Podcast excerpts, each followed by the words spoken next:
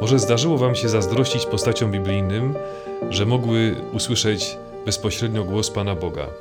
Kiedy czytam dzieje apostolskie i słyszę o tym, że uczniowie szli tam, gdzie prowadził ich Duch Święty, a w pewne miejsca się nie udawali, bo Duch im zabraniał, zastanawiam się, jak to było. I zazdroszczę im, że mogli tak bezpośrednio słyszeć głos Ducha Świętego. Ta zazdrość jest zupełnie niepotrzebna, bo to nieprawda, że my nie możemy usłyszeć Pana Boga. O tym mówi dzisiejsze pierwsze czytanie. Pamiętam w czasach komunizmu, bo maturę zdawałem w 1989 roku, a więc te lata y, te, tych napięć komunistycznych są mi dobrze znane, że tata wieczorami brał do ręki radio i chodził po całej kuchni, żeby złapać falę Radia Wolnej Europy czy Głosu Ameryki. Pamiętam, że te stacje były tak bardzo zakłócane, trzeba było bardzo precyzyjnie nastawiać odbiornik, ale też znaleźć miejsce, gdzie można było dobrze usłyszeć y, te, te radiostacje. I gdzieś tam w okolicach lodówki, około godziny 20 wieczorem, tata trzymał to radio, nie mógł go nawet położyć, bo w tym miejscu było dobrze słychać. Musiał radio dobrze ukierunkować, żeby usłyszeć fale, które wtedy niosły prawdę i były takim zwiastunem wolności. Co zrobić, żeby usłyszeć Pana Boga dzisiaj? Jak się nastawić na Jego głos? Moi kochani, receptę znajdziemy w dzisiejszym pierwszym czytaniu z Księgi Samuela. Młody Samuel jest oddany na służbę w Shilo, tam pod okiem Helego przebywa w świątyni, pewnej nocy śpi w przybytku niedaleko Arki Przymierza i słyszy głos wołający go po imieniu Samuelu. Idzie do Helego, myśli, że wzywa go kapłan, dowiaduje się, że nie, że ma wrócić i spać, bo nie on go wzywał. Tak się dzieje raz, drugi. Kiedy za trzecim razem przychodzi do Helego, Hel już się domyślił o co chodzi. I mówi: Jeszcze raz usłyszysz ten głos, yy, powiedz tylko wtedy tak: Mów panie, bo sługa twój słucha. Samuel dostosowuje się do tej wskazówki Helego i okazuje się rzeczywiście tym, który go wzywał, był Bóg. Samuel usłyszał głos Boga. Moi kochani, zwróćmy uwagę na trzy rzeczy. Pierwsza rzecz to cierpliwość Samuela. Trzykrotnie przychodził do Helego, Heli cierpliwie go odsyła z powrotem i dopiero za trzecim razem usłyszał Pana Boga. Pan Bóg jest cierpliwy. Nie zraża się tym, że kapłan nie udzielił od razu Samuelowi dobrej wskazówki, ale Samuel również na tą cierpliwość Pana Boga odpowiada swoją cierpliwością. Bardzo ważne jest to, żebyśmy słuchając Pana Boga byli cierpliwi.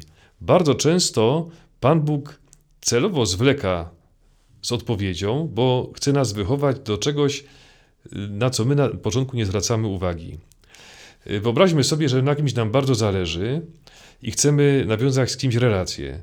Wtedy nie zrażamy się, że ten ktoś raz czy drugi nie odpowiada na tą naszą potrzebę, tylko jesteśmy bardzo cierpliwi, bo ta potrzeba nawiązania bliskiej relacji jest motywem, który pozwala nam przejść przez wszystkie zniechęcenia. Natomiast jeśli nam zależy tylko na jakiejś rzeczy, którą chcemy otrzymać, jeżeli ktoś nam jej nie chce dać, mówimy dobrze, ty nam nie dałeś, da nam ktoś inny. I już zaprzestajemy prób nawiązania relacji. I bardzo często ta cierpliwość w oczekiwaniu na Bożą odpowiedź pomaga nam zrozumieć, że Panu Bogu nie chodzi o to, co nam chce dać, ale chodzi mu o nas. I nam na, na końcu te, tego procesu już też chodzi o Pana Boga. Sam miałem takie doświadczenie, że długo się o coś modliłem, nawet modliłem się z pomocą nowenny pompejańskiej i w czasie tej modlitwy doszedłem do wniosku, że właściwie wcale nie muszę się o to modlić. W czasie tej modlitwy, która dość długo trwała, zrozumiałem, że to, co się modlę, wcale nie jest aż tak potrzebne i wcale może nie jest aż tak dobre, jak sobie to wyobrażałem. I zrozumiałem, że Pan Bóg mnie wychowywał, żebym przyjął to, co On mi chce dać. Druga rzecz, popatrzmy, Samuel idzie po wskazówkę do kapłana Helego. Kim był Heli? Heli wcale nie był jakąś krystalicznie czystą postacią. Y, był kapłanem, który miał dwóch synów, Hofniego i Pinhasa, służących w świątyni, którzy podbierali ofiary należne Panu Bogu jako ojciec odpowiedzialny za swoich synów wcale nie, nie wkładał zbyt dużo wysiłku w to, żeby ich upominać. Odpowiadał w ten sposób również za ich postawę. wcześniej, kiedy matka Samuela modliła się o syna, nie rozpoznał, że ona się szczerze modli, myślał, że jest pijana. A więc był kapłanem, który nie miał dobrego rozeznania. Zauważyłem, że dopiero za trzecim razem yy, odkrył, że to Pan Bóg wzywa Samuela. Nie był postacią krystalicznie czystą i zresztą spotkała go za to kara, poniósł konsekwencje swojej postawy, co nie przeszkadzało, że pomógł Samuelowi odkryć głos Boży. Na naszej drodze życia Pan Bóg nie stawia ludzi idealnych. My bardzo często liczymy na to, że spotkamy krystalicznie czystych ludzi, sami nie patrzymy na to, że tacy nie jesteśmy. Krystalicznie czysta była Matka Najświętsza, która nie popełniła żadnego grzechu, oczywiście Jezus, a wszyscy, nawet najwięksi święci, byli grzesznikami.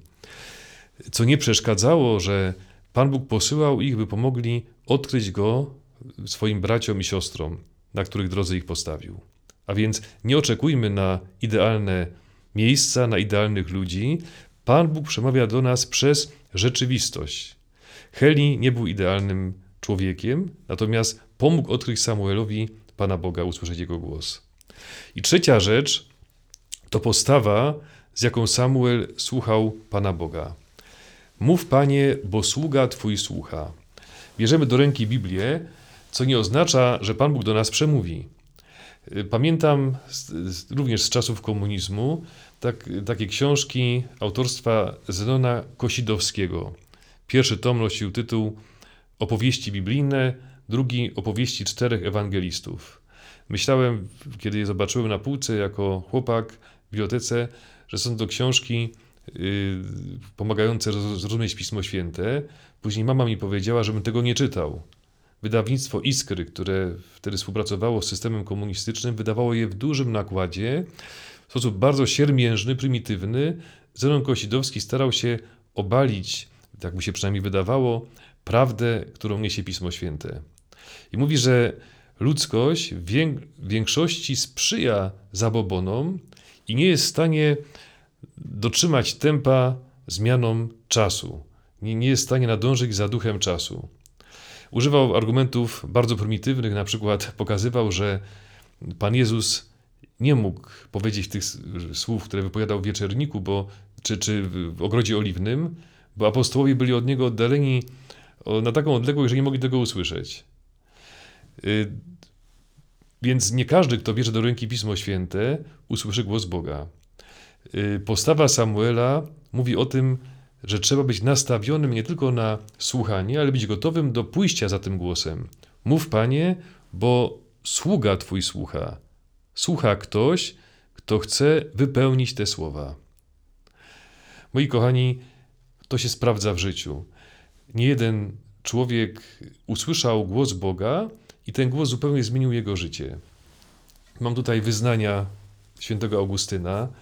Święty Augustyn y, no, wyprzedzał dziś wielu młodych ludzi, którzy y, nieraz pomysłowości, y, komplikowania sobie życia są bardzo do, do przodu, jak to mówimy. Augustyn zaczyna powoli odkrywać, że w jego życiu coś jest nie tak. I ta decydująca y, scena, to wydarzenie mm, opisane w ósmym rozdziale wyznań, mm, jest bardzo wymowne. Augustyn znajduje się już w stanie desperacji. Jest w ogrodzie przy swoim domu, który wynajmują, i mówi, że działo się z nim coś już strasznego. Opisuje to tak, że targałem rękami włosy, Pięściami ściskałem czoło, splecionymi rękami dociskałem kolano. Walczył z sobą, niesamowita walka wewnętrzna i nagle słyszy głos dziecka śpiewającego w ogrodzie niewinną piosenkę z refrenem Tole Edlege, który się powtarzał, a więc bierz i czytaj. I nagle w tych słowach piosenki odkrywa wezwanie skierowane właśnie do niego. Idzie nieopodal dalej, znajduje Pismo Święte, otwiera na liście do Rzymian, Akurat jego wzrok natrafia na słowa nie w hulankach i pijatykach, nie w rozpuście i wyuzdaniu, ale przeobleczcie się w Pana Jezusa Chrystusa, nie sprzyjajcie ciału Jego porządliwościom. I odkrywa to jako bezpośrednie słowo Boga skierowane do Niego. to jest kropka nad i, zmienia swoje życie. Wiele takich historii można przytoczyć i moi kochani, myślę, że to nie tylko spotkało Samuela i świętego Augustyna, ale to również może być udziałem każdego z nas. Drogi bracie, droga siostro, jeżeli w tej chwili mnie słyszysz, a skoro dotrwałeś do tej chwili, to tak jest, chcę Ci powiedzieć jedno. Jeżeli tylko chcesz, jeśli tylko się otworzysz na głos Boga, Bóg przemówi do Ciebie. Zapewniam Cię o tym. Warto to wypróbować. Otwórz się na głos Pana Boga. Mów, Panie, bo sługa Twój słucha. Na pewno ręczę za to, Pan Bóg nie zostawi tego Twojego wołania bez odpowiedzi.